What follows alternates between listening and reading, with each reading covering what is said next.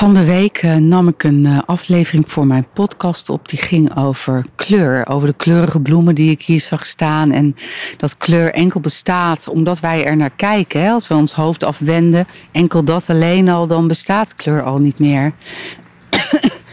en vandaag moest ik ineens terugdenken, nu ik hier weer zo langs dat bloemenveld loop.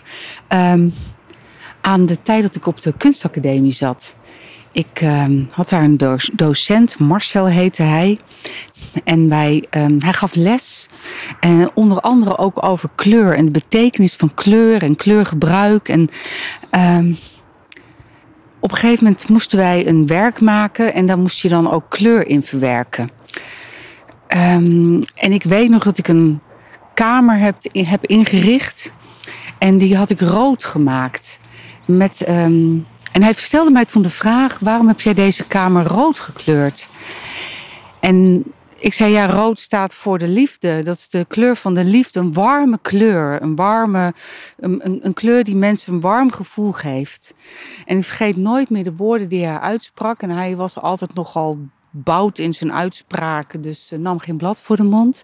En hij zei: Wat nou, Melanka, als er iemand in deze ruimte is en die is ooit verkracht in een rode ruimte? Zal diegene dan ook rood associëren met de kleur van de liefde en een warme kleur?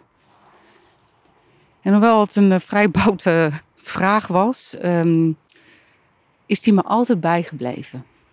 Dat de betekenis die wij geven aan kleur eh, enkel eh, ons wordt ingegeven door de waarde die wij hechten aan kleur, door de betekenis die wij geven aan kleur, door wat we hebben meegemaakt in relatie tot die kleur.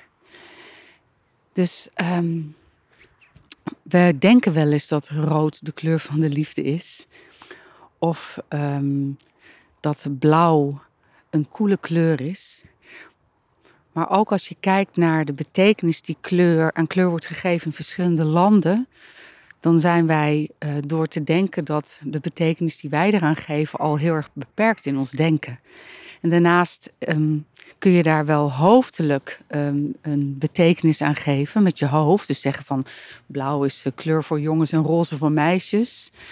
Ehm, maar het heeft dus ook nog te maken met de waarde die je zelf. ehm, ja, hoe zeg je dat eigenlijk? Ja, de waarde die kleur heeft voor jou doordat je er iets, hebt, iets mee hebt meegemaakt. Of dat het betekenis voor jou heeft gekregen.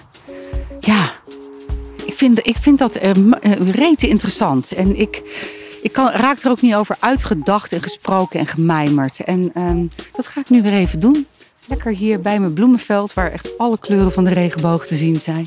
Mijmer ik nog even door op dat eh, onderwerp kleur.